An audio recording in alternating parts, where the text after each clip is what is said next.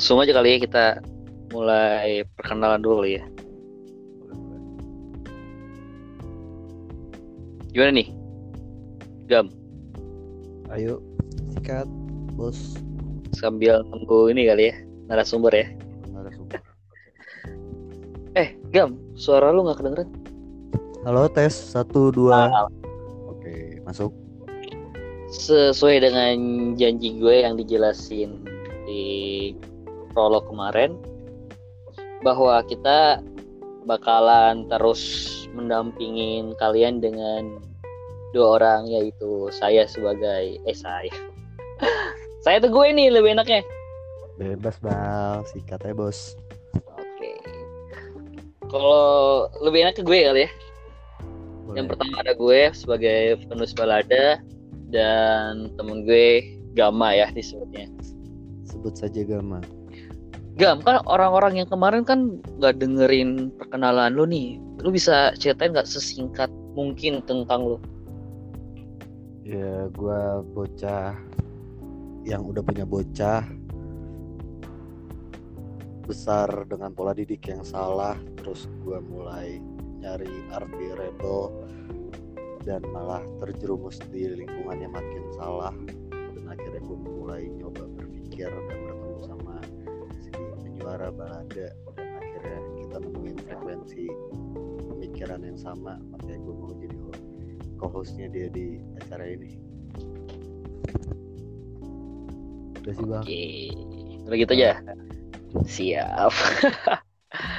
Jadi hari ini kita kedatangan tamu online ya, nggak nggak apa ya, nggak jauh beda sih sama podcast podcast orang lain. Tapi di sini kita mencoba online juga karena adanya pandemi virus corona dan lockdown ya, jadi keterbatasan tempat dan waktu. Kita sambut narasumber untuk mengenalkan dirinya. Yuk, mulai. Hola, salam kenal. Gue Rehan. Gue teman dari salah satu host mereka. Hostnya podcast ini. Eh, gue sekarang mahasiswa manajemen di Universitas Brawijaya di Malang. Itu aja dulu kali ya. Iya. Iya. Berarti sekarang lu semester berapa nih di situ di Undraw? Gue semester 5. Semester 5, ya. Oh, lima. Mau ceritain nggak tentang lu bisa masuk Unbraw? Kan Unbraw tuh salah satu universitas tergengsi loh, yang anak-anak Hmm, SMA Pak. pengen. Iya, iya, iya. Hmm, coba jelasin gue dulu. masuk UB karena jawaban bijaknya karena rezeki gue di sana sih. Karena nggak di UGM karena nggak di UI karena nggak di Unair di Surabaya ya alhamdulillah emang rezekinya di Malang itulah jadi karena rezekinya di Malang aja sebenarnya. Jalur apa tuh Oh, kalau boleh tahu. Jalur mandiri. Oh, mandiri. sesuai sama kartu debit gue Iya. hebat juga ya Mandiri. Jadi inget Iya. dulu gua Beli- masukin UM Undip gak keterima. Malah masuknya ke swasta di Kota Bandung. Jadi gimana nih Gam? macam-macam boy Hmm, bener sih setuju. Gimana nih Gam? Kita bakal ngebahas apa nih tentang seputar apa nih kira-kira yang cocok untuk pendengar? Jadi eh, sebelumnya gue kenal sama eh, narasumber udah dari udah dari tahun 2012 13-an ya ya. Nah, di situ tuh gue lihat SMP lah ya. Ya SMP kelas 1 gue lihat sosok dia tuh sosok yang sangat sangat bisa menjaga ideologinya sangat-sangat eh, bisa Kayak kucing sosok nggak usah sosok kali ngomongnya. Woi gantilah sosoknya itu berat banget tuh kayaknya sosok. Seseorang seseorang. Dikira Iya, kuntilanak boleh, apa? tokoh tokoh. Anjing Oh, lebih tokoh. lagi. Ya tokoh lagi bos lebih berat dong nah Seorang bocah seseorang yang, kali ya. ya, enggak seseorang yang eh, dari dari gua dari gua SMP dia udah bisa ngehandle satu angkatan gitu. Dari angkatan gue yang pecah jadi nyatu karena dia. Terus terbukti dia dipilih lagi di SMA even gue harus drop out satu tahun doang di SMA-nya dia. Tapi gue yakin gitu sama orang ini bal. Balada eh, dia apa punya self controlling yang kuat terus ideologi yang kokoh terus enggak termakan sama yang namanya arus pergaulan dan lingkungan.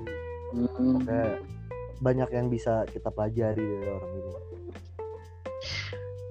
Bicara tentang self control itu gimana ya? Kita tuh kadang dibenturkan oleh ego kita. Banyak kita sebagai anak muda ya. Dulu ya anak muda sekarang kagak Iya, itu selalu membanding-bandingkan kebebasan yang menyangkut dua hal nih Gam atau Han. Itu tentang hak dan kewajiban Gimana kita. tuh? ya maaf. Hak dan kewajiban. Nah kadang orang-orang juga membandingkan hak orang lain atau temannya yang lebih besar. Contoh bisa pulang malam lah bisa nginep sana sini bebas bergaul boleh bawa kendaraan sedangkan kita tidak boleh gitu ada keterbatasan hak nah itu tuh kan sebuah egois buat kita karena hak itu ada ketika kewajiban kita terselesaikan paham nggak sampai sini Gab? tuh Ya bisa sih, bisa bisa. Hmm. Nah, dari sisi self control juga hak dan kewajiban mungkin sudah bisa terkontrol ya. Udah tahu batas lah istilahnya. Self tuh diri, kontrol di mengontrol. Iya. Jadi gimana sih cara lu bisa ya, bisa nyampe wah kewajiban lu mengayomi eh, apa anggota-anggota lu atau lu mesti pernah masuk kayak organisasi atau juga kayak lu mimpin anak-anak lu di angkatan dan kewajiban lu sebagai anak itu kayak gimana sih lu bisa jelasin sih self controlnya kayak gimana Sebenarnya apa ya? Kalau dari ya eh, konsep berpikir gue nih ya, self controlling itu adalah eh, apa namanya perilaku lo seberapa banyak yang bisa lo pertanggungjawabin gitu loh. Jadi ya lo ngelakuin hal apa pun yang lo suka selama lo bisa mempertanggungjawabkan itu per- mempertanggungjawabkan ini juga konteksnya luas ya kayak misalkan dengan kepercayaan lo lo percaya dengan afterlife ya dalam konsep afterlife itu lo bisa pertanggungjawabin apa enggak. Secara hidup di dunia hukum yang berlaku di keluarga lo misalkan di hukum yang berlaku di eh, sosial lo lo bisa bertanggung jawab dengan itu apa enggak kayak gitu. Ya dengan batas-batasnya juga sih sebenarnya batas-batasnya itu bisa ditentuin ya karena norma itu hasil dari social construct dan akhirnya kalau lo tadi sempat singgung soal kebebasan kebebasan juga kan itu adalah social construct ya. Tadi beberapa poin yang lo sebut kayak misalkan boleh pulang malam uh, main sama teman-teman yang nggak ada waktu segala macam. Nah itu kan juga social contract soal apa ke- arti kebebasan itu sendiri. Nah ya seberapa jauh jangkauan lo terhadap kebebasan itu ya self control lu juga harus sejauh itu juga gitu loh. Kalau itu nggak nggak nggak sesuai berarti ada yang lepas. Lo lu nggak lu belum bisa ngejaga eh, apa capability lo sendiri. Itu sih menurut gue. Hmm. gue punya Nah, kalau- pertanyaan intermezzo nih iya itu Heeh. menarik juga. Intermezzo nih. Sebentar ya gue bal gue potong. Gue punya pertanyaan intermezzo nih kan Mhm. Eh, apa sih yang ada di hati lu? Apa sih yang ada di pikiran lu saat eh, dari beberapa calon dan lu mau gitu untuk mencalonkan untuk jadi ketua angkatan atau enggak lu tuh udah punya jiwa leadership dari kelas 1 SMP yang literally baru 15 tahun ke bawah ya. Terus apa sih yang ada di angan-angan lu pikiran lu hati lu? Kenapa lu yang mau maju gitu? Kenapa lu yang bisa? Dan terbukti lu sampai dipilih lagi di SMA apa apa yang jadi beban pikiran lu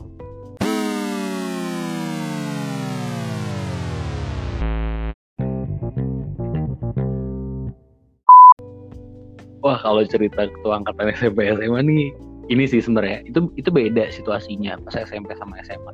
Kalau pas SMP itu lebih ke kayak eh iya kita sama-sama anak baru jauh dari rumah ya kan belum pernah ada yang tinggal di asrama sebelumnya.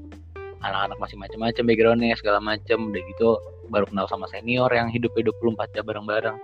Terus akhirnya anak-anak mulai ada kalau lo ingat pas itu kita sempat ada yang sendiri sendiri sempat yang mainnya sekamar kamarnya doang. Ada yang ngerasa masih Geng-gengan canggung sama orang lain nah kayak gitu gitulah. Biasalah orang-orang baru ketemu kan. Nah terus makin lama makin lama kok gue ngerasa kalau kita nggak gerak bareng-bareng ya kita bakal susah survive di kehidupan yang kayak gini harus makin saling bantu kayak gitu. Menurut gue pas SMP sih kayaknya nggak ada ya yang kayak pemilihan ketua angkatan itu. Dulu kalau seinget Iya ya? gue kalau gue nggak salah karena eh, eh, karena eh, kebetulan gue sama beberapa orang di sekitar gue di kelas gue lah paling atau di mana kayak ada yang mau bikin ini dulu tuh logo angkatan ya kan? Nah udah gitu gue ikut diskusi. Udah gitu ada yang mau bikin jaket angkatan gue ikut diskusi kayak gitu gitu dan kebetulan ada yang gue bisa bantu gue bisa bantu. Jadi menurut gue pas SMP sih nggak ada kayak proses pemilihan kayak gitu nggak. Itu cukup natural aja sih menurut gue. Kayak ya ya udah gitu aja udah gitu kayak pas itu eh, ternyata di angkatan-angkatan atas kita ngelihat yang di atas mereka punya nama angkatan mereka punya ketua angkatan ya bahkan yang kita tahu kan strukturnya cuma ketua angkatan doang ya karena emang di atas atas kita contohnya kayak gitu akhirnya anak-anak ya udah milih aja eh siapa nih ketua angkatan ya udah akhirnya yang dijorokin gue ya udah akhirnya SMP megang kalau SMA waktu itu sempat ada pemilihan kebetulan pas di Jordan kan kalau lo inget itu di basement di bawah Ingat-ingat. uh, Habis kita tafis bukan? Atau habis telat? Iya kalau nggak salah kita ngumpul tuh lingkaran-lingkaran. Nah kebetulan Iya, iya. karena pas itu di obrolan-obrolan di kamar juga udah pada eh kita nggak ini nih angkatan belum kebentuk apa segala macam ya itu balik lagi gue yang ngobrolin sama anak-anak eh gimana nih perlu nggak dari mulut ke mulut awalnya udah gitu pas itu kita omongin minta sebutin nama-nama kalau itu udah lebih ke pemilihan sih. Cuman nggak tahu ya gue ngerasa gue terlalu ngedominasi di diskusi itu terus akhirnya malah kayak orang-orang liatnya udahlah rehan aja lah gitu sih kayaknya jadi kayak bukan bukan kompetisi yang seru gitu bukan juga kayak Oh, iya. lebih kayak "Ya udahlah rehan aja lah gitu sih lebih kayak gitu Oh, jadi kayak lu lebih diandalkan dari teman-teman lu mungkin ya. Udahlah nggak ada lagi Rehan juga nih. Kayak gitu Ya. atau gimana jatuhnya? kayaknya sih kayak gitu ya. Tapi semoga bukan karena anak-anak ignorance dan kayak "Ya udahlah rehan aja lah. Guys gak Oh, signifikan ini anjing. apatis ya. semoga Semoga. semoga bukan karena itu ya gitu. Gue sih berharapnya kayak kayak semoga selama masa-masa kita berteman itu gak ada kekecewaan sih. Jadi kayak masih ya udahlah nggak apa-apa sama Rehan lagi gitu. Semoga sih kayak gitu. Gitu. Nah, Kalau beban dan tanggung jawabnya sendiri Han buat kayak Hmm. lu harus controlling yang tadi lu bilang sendiri beda-beda orang eh, sama-sama.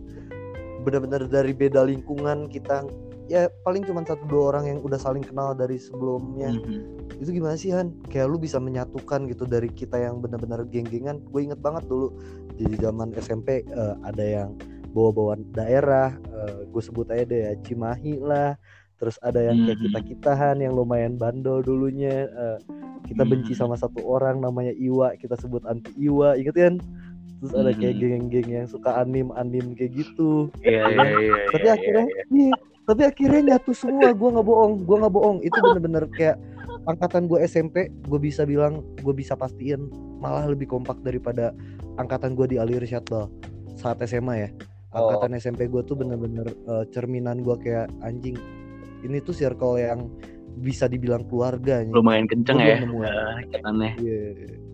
Iya, Menurut gue gimana? karena backgroundnya beda-beda. Yang pertama apa ya? Kayaknya kita harus cari ini sih satu eh apa yang sama dari kita semua gitu. Karena kalau tadi lo bilang banyak perbedaannya ya, perbedaan itu apa namanya arusnya jauh-jauh semua gitu loh, arahnya ke mana-mana aja. Jadi kayak di satu hal yang sama bahwa kita adalah kita hidup di satu lingkungan yang sama, kita ada keresahan-keresahan yang sama tiap hari. Muncul kita punya keperluan-keperluan yang sama di kehidupan sehari-hari. Ya udah gitu aja yang diakomodasi. Masalah kita pribadi-pribadi punya preferensi terhadap misalkan ekskul ini ekskul itu ya. Nanti ada peer-peer kelompok lagi ya, itu nggak masalah gitu loh. Tapi saat itu jatuh kepada kepentingan eh, seangkatan Bersama. ya anak-anak sih yang yang kita bahas itunya jangan bahas background ya lu anak ini sih lu anak itu sih ya nggak gitu lagi gitu loh. Kita udah sama-sama di sini ya udah kita mulai dari hal yang samanya aja. Menurut gue dari SMP dan SMA itu berlaku sih. Makanya kalau lu ngerasain juga di kelas 10 kita di Jordan itu itu masa-masanya bonding banget tuh kita ya pas di Jordan dan Madani itu dulu ya. Jadi Kecuali gue. kencang ya. juga sih. Ya itu terserah lu sih. Cuman secara angkatan gue ngerasanya lumayan Tapi berat gak sih Han buat jalanin eh, status sebagai ketua angkatan dari sudut pressure dari guru, sud dari sudut pressure dari angkatan-angkatan lain. Eh, menurut gue berat nggak berat sih di NF ya. Karena culture-nya kayak pertanggungjawaban kita tuh lebih ke personal orang-orang bukan secara organisasi yang kayak ada LPJ kan segala macam. Kan gitu nggak ada. Ini lebih ke badan-badan yang nggak apa nggak resmi tapi ada gitu loh. Jadi ya sebenarnya di satu sisi pertanggungjawabannya lebih personal dan akhirnya bisa ngebawa perasaan. Ya karena kita nggak sama sekali nggak profesional kan itu hubungannya secara personal personal ke orang-orang masing-masing gitu loh. Ya itu bisa mudah bisa gampang ya bisa mudah bisa susah gitu loh. Karena ya gimana ya kadang guru-guru juga akhirnya ngelihatnya serius nih kamu ketua angkatan? gitu. Kayak tahu dari mana gitu loh. Ya akhirnya kalau itu kan gitulah itu status yang misalkan gimana ya bahasanya eh, di jurinya gimana di faktonya gimana ya karena ya ide itu bukan resmi nggak resmi gitu loh. Cuman ya overall ya have fun aja sih gitu karena sama anak-anak juga nggak ada yang ngebebanin satu titik kepada si ketua angkatan dan ya bisa ngebagi porsi sih semuanya di angkatan kita dulu. Jadi kayak berat nggak beratnya bisa terjalanin aja Hmm, Keren juga ya nih gawe. Eh untuk menyatukan katanya nih perbedaan-perbedaan, terus Aha. untuk mengumpulkan satu crowd di lingkungan yang sama, keresahan yang sama, titik titik merahnya apa sih? Benang merahnya apa sih? Terus food gatheringnya apa? Daya jual lu apa sih? Kenapa orang-orang tuh bisa mendengarkan lu? Apakah lu bisa? Nah, iya lu gua punya power? Apakah lu punya ya istilahnya ada yang bisa disegani? Atau lu punya eh, harta yang lebih hebat sehingga orang-orang pada tunduk atau gimana nih? Waduh. Soalnya Hmm. eh, orang-orang tuh setiap tongkrongan, setiap eh, lingkungan, Iya. setiap wilayah tuh pasti ada satu orang yang eh, menjadi vokal atau dominan deh. Kayak gitu. kayak alfanya gitu ya. Nah, betul. Bahasa Sunda gegeduk. geduk ngalahnya Eh, gede wani. eh, Wani vokal atau sudah nama. Iya, iya. Jadi eh, gimana nih? Bisa dijelasin lebih singkatnya. apa ya? Ka- Kalau menurut gue sih, ya sejujurnya gue nggak ngerasa gue adalah alpha di lingkungan gue, karena gue juga look up ke salah satu teman gue juga yang menurut gue kayak wah ini mah orang lebih kalau ngomongnya lebih didengerin, lebih ada apa powernya tuh ya ada lah gitu. Dan itu setiap waktu bisa ganti-ganti gitu loh. Dan gue nggak memandang itu ke diri gue. Tapi kalau misalkan ada persepsi itu mungkin yang bisa gue jawab adalah karena gue mencoba mulai dari kayak ya tadi sih eh iya nih benar kita punya keresahan yang sama gitu. Ya udah deh gue mau ngebantu lo kayak gitu tapi nanti eh, kita kasih timbal balik juga ya kayak yang lain ya kayak gitu. Kalau misalkan lo bisa kasih apa gue lakuin. Nanti gue bisa ngelakuin apa ke lo gue lakuin. Jadi kayak menurut gue karena ada frekuensi timbal baliknya itu sih dan saat lo tetap nyimpan itu jadi apa timbal balik yang positif menurut gue jadi ya nanti ya ngarahnya ke hal yang baik juga kayak gitu loh. Ya ya nggak tahu ya mungkin kalau misalkan hasilnya gue bisa apa gue dilihat menjadi leader di angkatan itu ya semoga gue membawa ke hal-hal yang baik ya gitu gimana ya ya nggak tahu sih gue nggak punya tips and trick untuk menjadi dominan karena bukan itu juga mungkin tujuan gue jadi ya nggak tahu ya Hmm, ya seru juga sih. Gam, ada pertanyaan yang lebih menarik gak? Atau gue mau nanyain ke lo nih, Ada. pendapat tuh gimana nih? Jadi seorang Apa leadership tuh emang bakat dari lahir, diciptakan, atau menciptakan sebuah sifat tersebut pada dirinya sendiri itu sih? Contoh, Ah. Menurut gue, itu Kayak gitu. juga. rehan dulu deh. oh Reno deh kayak. Contohnya Oh, iya. bisa dilengkapi oleh Gama kalau nggak sama gue. kalau menurut gue ya karena menurut pertama gue eh, sistem kerajaan itu basi ya menurut gue dan Iya. kayak sekarang kita semua udah menjalani demokrasi jadi menurut gue leader is made and leader is not born gitu. Ya bisa aja yang emang dari lahir dia ada di lingkungan yang punya nilai-nilai yang baik akhirnya dia besar jadi leader. Ya kan karena dia dibangun untuk itu gitu loh. Bukan karena sekedar dia lahir dari awal udah ada basicnya itu yang kayak gitu. Ya misalkan anaknya presiden dari kecil nggak pernah hidup di lingkungan yang baik ya nggak bakal jadi juga nggak bakal jadi leader juga gitu loh ya menurut gue itu dia belajar sih nggak ada yang nggak ada yang natural dari nol banget tuh gue rasa nggak ada pasti dia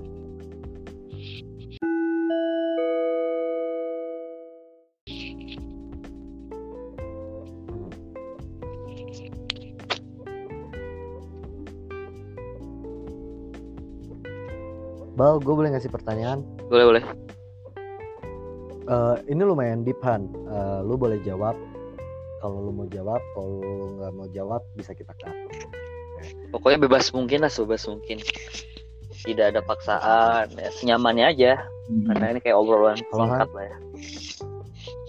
Ini yang bisa banget buat jadi pembelajaran buat para pendengar kita nanti selanjutnya. Gini, eh, yang Hmm. gue tahuan di awal periode kita masuk ke NF ke sekolah kita dulu eh, bulian-bulian itu sering kali terucap dari mulut teman-teman kita kepada lu gitu. Tapi lu bisa keluar gitu dari fase-fase itu bahkan lu naik gitu sampai jadi ketua angkatan. Jadi ya gue nggak bisa pungkiri mungkin eh, gua sebagai warga angkatan juga melihat lu juga menjadi orang yang besar gitu. Dari dari yang sebelumnya sering kali gitu mendapatkan bulian-bulian verbal. Gimana sih Han caranya lu menghadapi situasi-situasi itu apalagi lu saat itu masih masih sangat iya belia SMP lah ya kita. di bawah Eh, 15 tahun. Iya, Mana ya? SMP. gimana sih Han? Lu boleh eh sejujurnya gue kalau kalau background gue ya gue adalah anak pertama gue juga cucu pertama. Jadi untuk di look up sebagai seorang yang eh, dituntut menjadi orang yang dewasa di lingkungan kecil gue tuh gue dari kecil kayak gitu ya dan untuk kelihatan kayak eh, eh gue tuh adalah si kuat loh gitu gue gue adalah si yang bisa bantu gitu loh nah itu gue dari gue dari kecil ya itu gue dari keluarga tuh gue kayak gitu di ditempatkannya nah mungkin dari situ juga punya efek ya. Jadi di SMP kalau bener emang lu bilang, sebenarnya jujur gue inget, cuman itu nggak ngebekas menjadi dendam gitu ya. Tapi ceritanya sih jelas, gue inget gitu kayak. Ya menurut gue itu adalah fase sih, karena gue cukup pernah, gue cukup sering pindah-pindah sekolah. Dari dulu gue SD di Bali, gue SD di Jakarta juga awal-awal gue di lingkungan itu kan ya gue alien ya gitu, orang baru di sana kayak. Pasti kayak gitu lah. Ya apalagi kita di NF yang 24 jam bareng-bareng pasti ada aja dong celaan-celaan yang pengen disebutin nih gatel banget mulut ini pengen ngatain gitu. Jadi kayak kayaknya gue sih iya gue sih nganggepnya kayak ah ya udahlah gitu. Ya emang ini fasenya ya udah ntar juga bakal lewat kayak gitu loh. Toh emang benar semua orang pernah ngelewatin fase itu gitu. Ya menurut gue apa ya ya itu itu fase-fase yang harus dinikmatin sih menurut gue. Ya gue juga kebetulan orang yang bisa ignorance terhadap hal-hal apa eh, jelek yang gue denger ya ya udah gitu aja. Tapi kan kerap terjadi gitu Han. Eh, ada depresi yang gue nggak gue gak berani ngomong berlebihan tapi namanya Ah. seperti itu Eh, karena bulian-bulian verbal yang bahkan gue nilai gak gak gak lebih gak lebih gak lebih sakit daripada bulian yang mungkin lu alami dulu ya Iya, secara verbal tapi kenapa ada ya orang yang ada orang yang sangat menanggapi itu sebagai sesuatu yang Mhm. serius pesan lu buat pesan lu buat yang ngebully atau enggak yang dibully itu gimana sih Han? Lu lu tuh bisa lepas dari Ah. zona itu, lu bisa dar- lepas dari fase itu, lu bisa lewatin gitu. Tapi kenapa mereka tuh sangat tertekan dan pembuli eh dan bully pembuli pembuli itu gak gak ada habisnya Iya, gitu iya, kan? iya. Maksudnya dari zaman ke zaman ada aja selalu Jadi intinya bully itu sebagai tradisi yang seharusnya tidak bisa dibudayakan. Nah, itu sih Tam. kalau kalau menurut gue ya bully tuh kayaknya adalah orang-orang yang perlu ngeliatin eksistensi dia dia harus kelihatan dominan di sosialnya di lingkungannya dia makanya ya cara paling mudah adalah dengan ngebully gitu. Toh kalau dia dilawan belum tentu bisa ngelawan balik kayak gitu. Tapi ya intinya itulah backgroundnya mereka orang-orang yang pengen kelihatan gue adalah alpha gue si gue si dominan gue si lo harus look up ke gue kayak gitulah. Mereka lah biasanya tuh orang-orang yang ngebully backgroundnya mereka adalah si cupu atau si beneran pendekar gitu misalkan ya nggak tahu deh tapi menurut gue kalau buat orang buat teman-teman yang pernah Lollipop. iya pernah ngerasain apa dibully ya gue nggak bisa nyalahin mereka kalau mereka apa namanya anggap itu serius. Dan gitu akhirnya jadi depresi misalkan jadi nggak percaya diri. Menurut gue lo harus cari teman ngobrol sih. Siapa pun mereka ya itu harus punya teman ngobrol. Dan semoga teman ngobrol yang lo temuin adalah teman yang cukup cocok sama lo.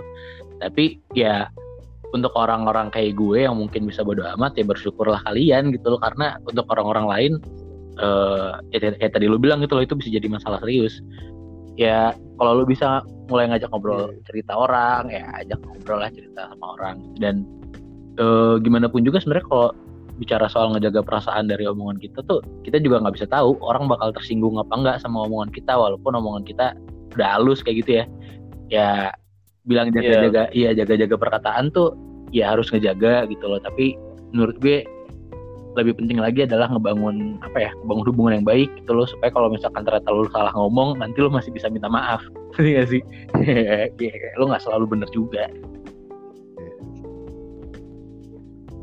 Boleh boleh boleh boleh. Gila keren banget nih orang Bal eh ya Gila aja jadi gitu dong. tapi kita.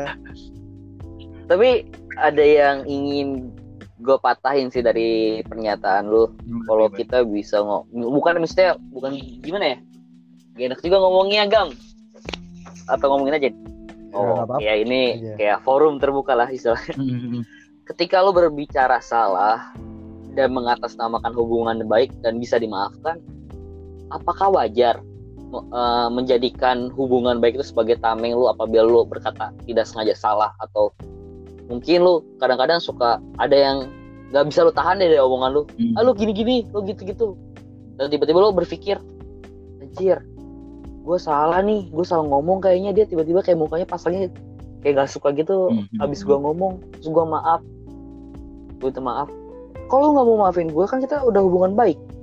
Nah, kayak gitu. oh iya iya nah itu itu pandangan gue dari Wah ini kena banget sih gua pandangan gue yang gue puterin sesepa muda aja tentang pernyataan lu Mm, gitu. Jadi yang penting tuh hubungan yang baik atau eh, jaga lisan atau yang kita tema kita saat ini self controlling dari secara konsep holistik menyuruh gitu.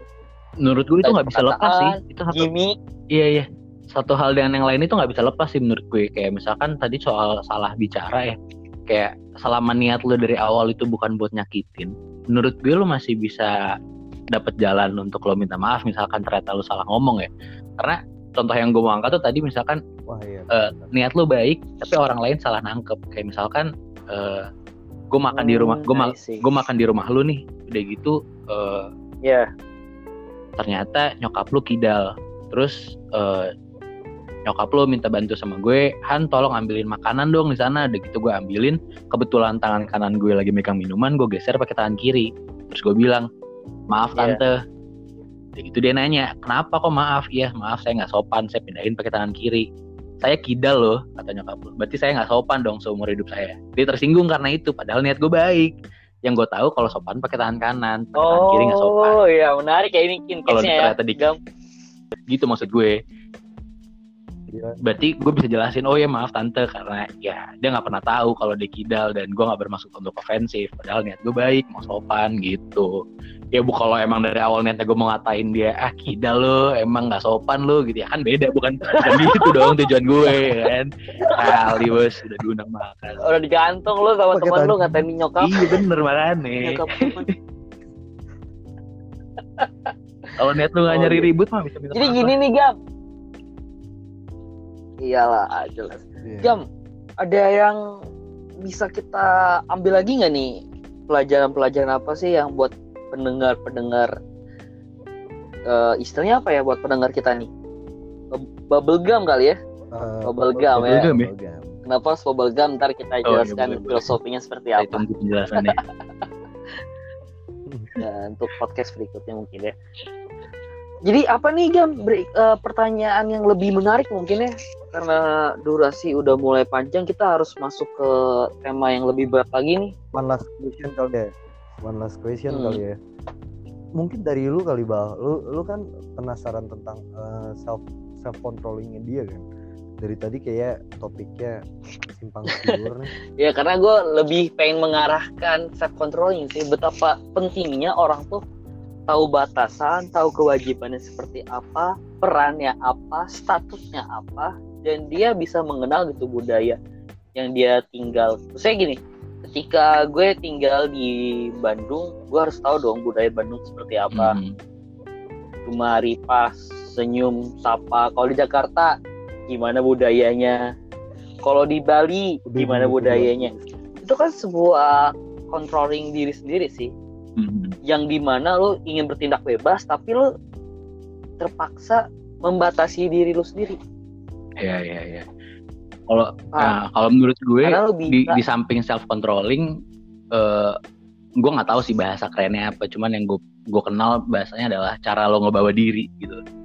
Kayak eh, Hmm, dulu tuh gue gue pernah ada masanya gue coba gue nyobain minum ya kan. Dulu menurut gue nyobain minum adalah caranya untuk gue menjadi iya. Itu adalah eh, masa-masanya gue mencoba untuk ngeliatin ke, ke, ke sosial gue kayak eh gue nih beda tahu dari lu kayak gitu. Gue kayak apa ya ada ada perasaan untuk accept, acceptance di sosial lo ada ada kerasa untuk kayak ya pengen jadi beda aja gak sih anak-anak umur segitu gitu. Nah terus kayak ya gue gue bikin image kayak eh gue tuh minum banget gitu anaknya kayak gitu. Dulu tuh kayak sekarang sih gue ngeliatnya kayak ah kelibet sih lu kayak gitu. Ngapain? Itu tuh nggak perlu gitu. Sampai iya sampai terakhir sampai terakhir kelas 10 tuh yang fase terakhir itu yang pernah di udah tutup tempatnya namanya soliter ya lah nah di sana itu udah Sebut merek lagi. eh, iya emang saat itu itu udah itu udah itu udah turning point gue sih kayak di situ gue sadar lo tuh nggak suka gitu lo nggak harus maksain diri lo untuk keterima sama sosial lo kalau emang itu batasan lo gitu loh. Nah terus kayak di situ gue mulai belajar sih sampai ke sini ke sini masuk kuliah makin banyak ketemu orang yang macem-macem. Satu waktu gue pernah pernah MUN di Belanda. MUN tuh kayak simulasi sidang PBB gitulah di Belanda. Hmm, ya. Terus? Mm-mm. terus ada waktu penutupannya itu gue duduk-duduk sama teman-teman gue pas lagi ada acara gitulah terakhir kayak game gitu. Nah satu meja tuh kayak kayak apa ya semi bar gitulah tempatnya. Terus orang-orang tuh pada beli token untuk ngambil minum. Nah gue gue beli token terakhir Hmm. terus satu meja tuh pada beli bir semua gue nggak beli bir. Terus ada teman gue nanya kayak gitu. Ush, kayak, hebat. "Eh, lo nggak minum? Gitu. terus gue bilang kayak enggak gue nggak minum gitu. Kenapa? Kenapa lo nggak minum? Gitu. Lo diet atau ada bahasanya religious concentration dia bilang gitu. terus gue bilang ya itu salah satunya kok gitu. Gue eh, gue ada religious concentration juga gue bilang. Terus dia kayak oh oke gitu. Tapi habis itu kita lanjut main dan itu biasa aja semuanya. Kayak nggak ada yang berubah dari mereka ngelihat gue nganggep gue karena satu meja gue nggak minum sendiri ya gue biasa aja. Menurut gue kayak gue nggak tahu ya mungkin di tongkrongan-tongkrongan di teman-teman kita atau di Indonesia pada umumnya ada aja yang kalau nggak minum sendiri tuh dicengin gitu loh. Nah ya menurut gue itu tuh nggak penting sama sekali. Karena itu Ah, karena itu ngedorong teman lu ke hal yang bukan dia tapi ya kenapa juga lu dorong ke sana? Toh dalam kepercayaan gue itu bukan hal yang bener ya jangan dong ke arah sana kalau emang lo enggak gitu.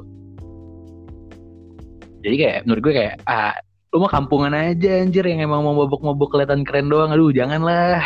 Gitu. Jangan jangan Aduh, takut ada yang tersindir nih kalau yang pendengar kayak gini. ya nggak apa-apa supaya ngaca aja kalau emang lu nggak minum gak usah sosok Aduh. minum kayak alay jatuhnya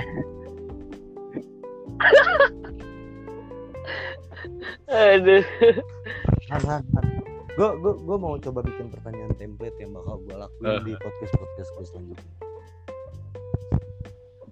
Eh, buat orang-orang yang biar denger biar bisa lebih kenal lu, biar bisa dengar apa biar bisa lebih kenal sama pembicara gue selanjutnya. Gue bakal nanyain pertanyaan template ini ya. Lu kalau misalnya lagi merenung, lagi eh, lu lagi berpikir, wah gue sering banget lagi kayak kayak Eh. situasi paling enak lu, kayak situasi paling enak lu, eh apa yang lu lakukan? karena gue juga orang yang introvert ya sebenarnya gue introvert nih di tes psikologi gue nah terus gue tuh sering kayak dialog sama diri gue. Ya. jadi gue punya temen namanya Raffi Raihan juga gitu kayak yang gue suka ajak ngobrol. Gue nanya dia yang jawab gue nanya dia yang jawab. Itu lumayan sering sih. Hampir bisa kapan pun kalau gue kayak lagi nonton TV ada tayangan di depan gue cuman pala gue lagi ngobrol sama diri gue sendiri bisa. Atau lagi dari kuliah balik ke kosan Oh. gue jalan kaki. Selama perjalanan itu gue self contemplating gitu ya bahasanya. Bisa lagi di cafe gue suka nongkrong sendiri kadang. Itu juga waktu yang cocok lumayan bisa kapan aja sih menurut gue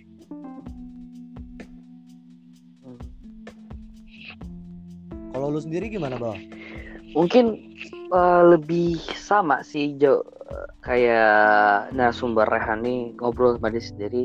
Cuman caranya mungkinnya metodenya cukup berbeda sih. Kalau gue lebih suka menulis. Jadi ngobrol nih, misalnya apa sih yang lu dapat hari ini? Eh, terus kesalahan apa sih? Terus gimana sih lu bisa kemas peristiwa ini? Lu tulisin biar lu bisa baca Hmm. lagi. Kalau cuma sebuah pikiran ya kadang lagi terbawa emosi kayak sedih kepikiran wah ini konsepnya bagus nih kepikiran buat gue ke depan. Sistematik kayak gini. Pas gue pikirin besoknya gue lupa. Karena jelek kayak gue gue seorang yang gampang lupa. Kayak gue suka nulis. Eh, wah menarik menarik juga sih nih Han untuk metode lu berdialog dengan diri sendiri. Ya istilahnya Iya, iya. monolog lah. Itu gimana sih cara monolog? Apa ya? Ya Iya, gimana Kayak- caranya lu kayak misal- frekuensi itu? bisa lu im- impersonate gak nih? Coba impersonate ya gimana? coba ya Ceritanya Eh, lu lagi monolog. misalkan eh eh by the way gue gue pernah kepikiran untuk bikin podcast juga nih. Jadi sebelum podcast gue jadi gue udah jadi tamu duluan. Thank you banget nih ya. Wah podcast kalian luar biasa Iya, iya, iya, iya. Ntar kita di, kita diundang Boleh, lagi dong. boleh kita boleh diundang Ntar dong. ya Ya kapan-kapan nggak, kalau misalkan udah jadi ini ntar ada sama saya Ayo. nah gue sih kayak misalkan nih soal podcast nih gue mau Iya. bikin podcast kayak gue mikir sendiri lu ngapain sih mau bikin podcast gitu ya gue nggak harus langsung jawab kayak gue boleh mikir dulu kayak oh iya kalau gue ngobrol sama teman-teman gue suka banyak ide-ide bagus yang bisa harusnya kita catat dan orang lain bisa oh jalan lagi tapi emang mesti diduitin. Terus mikir lagi kayak, oh iya deh ada sebenarnya. Kalau udah sekian episode kayaknya kalau udah ada audiens lo bisa buka eh, sponsoran deh kayak gitu bisa. Kayak kayak gitu aja sih sebenarnya kayak gitu. Bisa soal apa aja bisa kayak eh tadi nggak salah nggak sih ngomong ini sama orang lain gitu. Tapi kayak lo harus jadi jawaban dari pertanyaan lo itu sendiri gitu lo nggak lo nggak harus selalu nungguin orang lain. Jadi kayak menurut gue gue nggak punya suka gue nggak suka punya ketergantungan sama orang. Jadi kalau gue bakal coba jawab dulu sendiri semoga gue bisa ya udah itu jawabannya Nah, menurut lu gimana Gam? Berarti ini Rehan seorang Oh, filsuf ya, suka merenung. wah tapi gue belum pernah ke bukit diem gitu sih Tapi gue juga, Kalau wah parah itu jangan lah. kalau gue kalau gue gitu metode gue cara gue untuk eh, berpikir gue sendirian terus gue menyalahkan diri gue sendiri biasanya dibantu sama alkohol biar gue bisa gitu puas nyalain diri gue sendiri nah setelah sadar gue baru ngebelain Oh. diri gue sendirinya lagi Wah, sih? serem juga ya. ya gue salahin selama selama gue lagi di eh, tipsi kondisi tipsi gue gue nyala nyalain diri gue kenapa sih gue gini? Kenapa sih gue gini? Kenapa sih gue gini? Ah tolol banget gue malah kayak gini. Waduh gue salah angka di sini? Gini gini tapi pas gue sadar gue ngebela tuh. Gue belain gue gue kayak gini kan kemarin gara-gara ini gue kan gara-gara ini. Cara gue tapi setelah itu setelah, setelah Jadi itu malah- lu merasa lebih tenang? sadar oh oke. Lebih tenang jauh jauh lebih tenang. Gue jauh lebih tenang. Dan- Oke. dan solusi tuh selalu ada selalu oke. selalu ada ngelakuin itu tuh nih gue potong sorry tadi. Gimana? Gam. Jadi, halo halo. Jadi Ya, halo, titik halo. kesadaran lu adalah di mana tidak lu sadar gitu atau sebaliknya. Lu lucu banget lagi Paham nggak? Enggak, setelah gue sadar Lucu juga Eh. sih. jadi kesadaran lu adalah ketika lu tidak sadar dan sedangkan ketidaksadaran lu ketika lu sadar. Nah, itu gimana nih? Lu bisa memperubah bisa berubah Nah, nggak nih, J?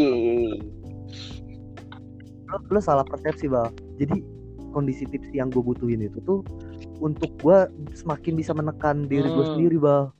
Bukan untuk sadarnya sadarnya mah setelah sadar gue bisa membela diri gue dan nemuin solusinya tuh.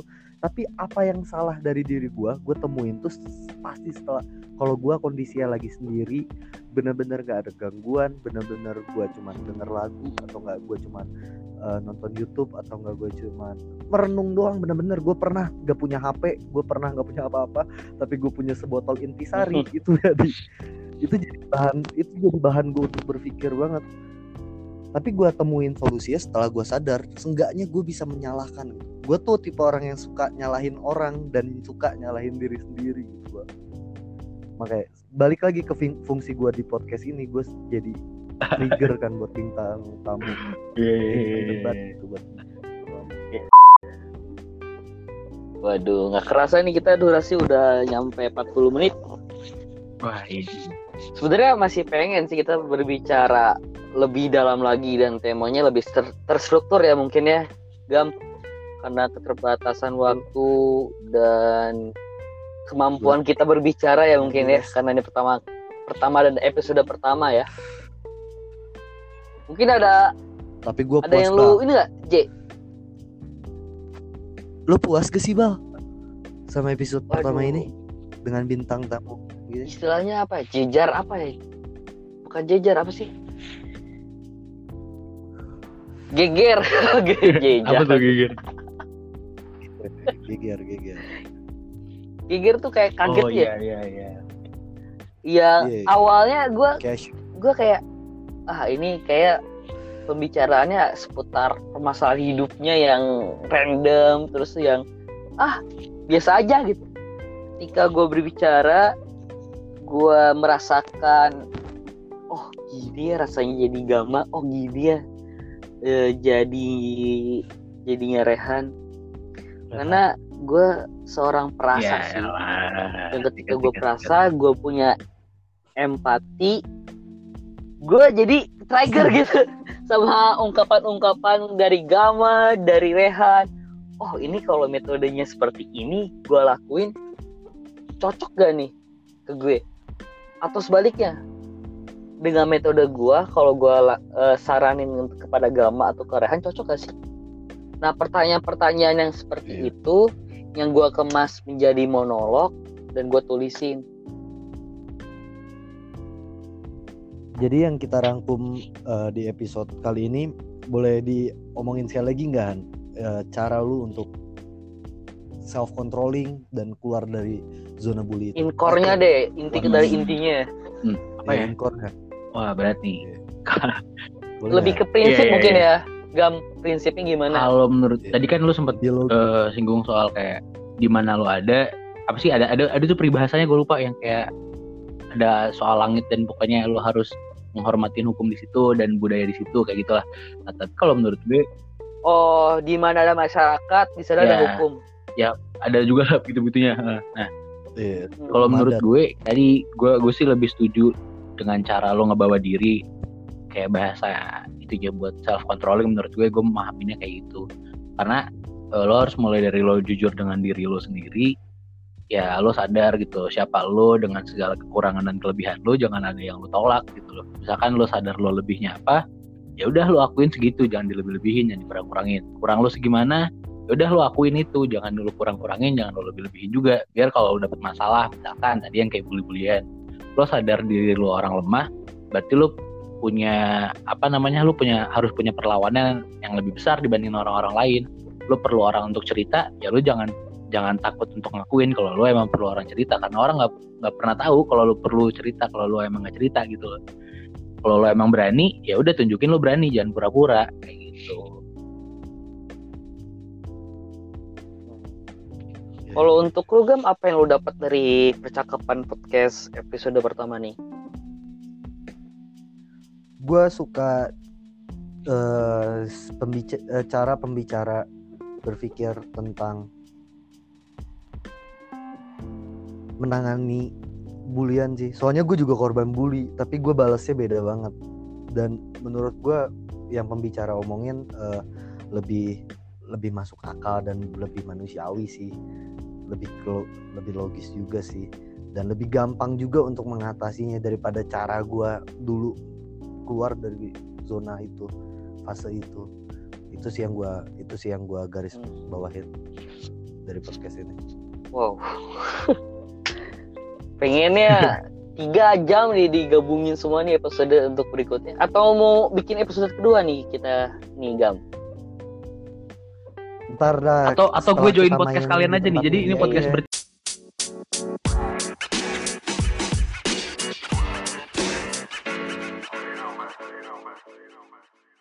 tiga. Ya kan? Boleh. Aduh. Anjir, random Wah, banget ya ini lu, pertama. Iya iya iya iya iya iya.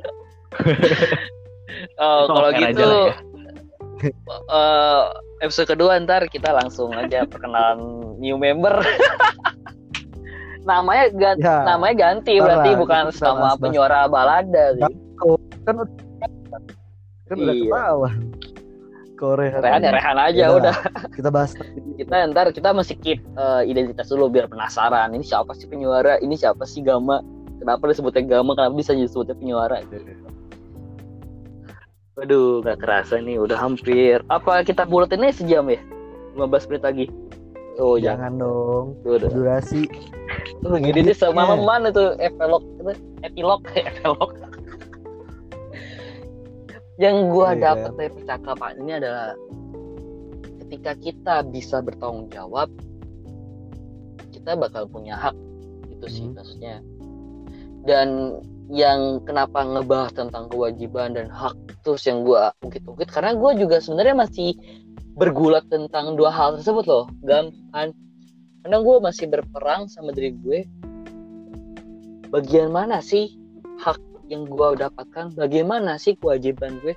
Bagaimana sih gue bisa bertanggung jawab atas kesenangan gue sendiri loh? Mhm. ketika gue dibenturkan oleh keadaan Oh, iya. ini diajar gimana gue bisa ngontrol diri? Jangan terlalu lemah jangan terlalu marah jangan terlalu terbawa suasana akhirnya gue tidak berkembang. Atau gue kabur malah lebih kayak pecundang iya. atau gue keluar dari zona toksik itu. Jadi pemikiran-pemikiran seperti itu yang yang lu ceritakan yang lu bawa dari dari percakapan yang tadi tuh gue nganalisis kalau lu tuh orang yang waspada ketika lu berbicara. Dan lu sering juga menanyakan tentang suatu option ketika lu bermilih option A B lu nanya lagi ke diri situ memastikan jatuhnya Iya, sih. lumayan ini sih. tepat gak sih Iya, buat lu? Lumayan begitu gue. ya kayak gitu. Dan gue juga sebenarnya lebih lebih sama kayak gitu. Cuman metodenya lebih ke nulis sih Hmm. jatuhnya kalau gue lagi kesal banget nih gue ngerasa wah gue tertekan batin gue gue depresi gue tulis. Karena beban orang dan tingkat capaian orang tuh beda-beda walaupun konsep capek dan depresi itu sama aja. Iya. paham nggak gam? Nah, itu. Itu yang gue dapetin dari percakapan sekarang untuk kalian yang merasa ingin apa ya ingin diundang atau ingin menceritakan pemikiran-pemikiran yang berbeda dari pemikiran mayoritas tuh pemikiran yang unik yang dibilang alay yang dibilang lebay itu kayak gimana gitu? Kalian boleh bercerita di sini nanti kita sampaikan poin-poinnya apa aja atau kalian bisa aja masuk ke podcast ini ya sebagai narasumber. Kontak kita kontak kita di kita G di- ntar kita bikin G bertiga ya karena kita punya member baru. Itu bahas off air dulu, boy. Iya itu Eh, ntar tanda tangan ya rekening gua siapin ya. Tapi tapi. Ya. Oke untuk sementara namanya kayak masih penuh sebalada dulu ya. Ntar gue edit lagi deh. Oke ada salam penutupan dari Rehan. Gimana kesannya menjadi bintang tamu narasumber terima kasih sih pemateri. untuk kawan-kawan podcast ini.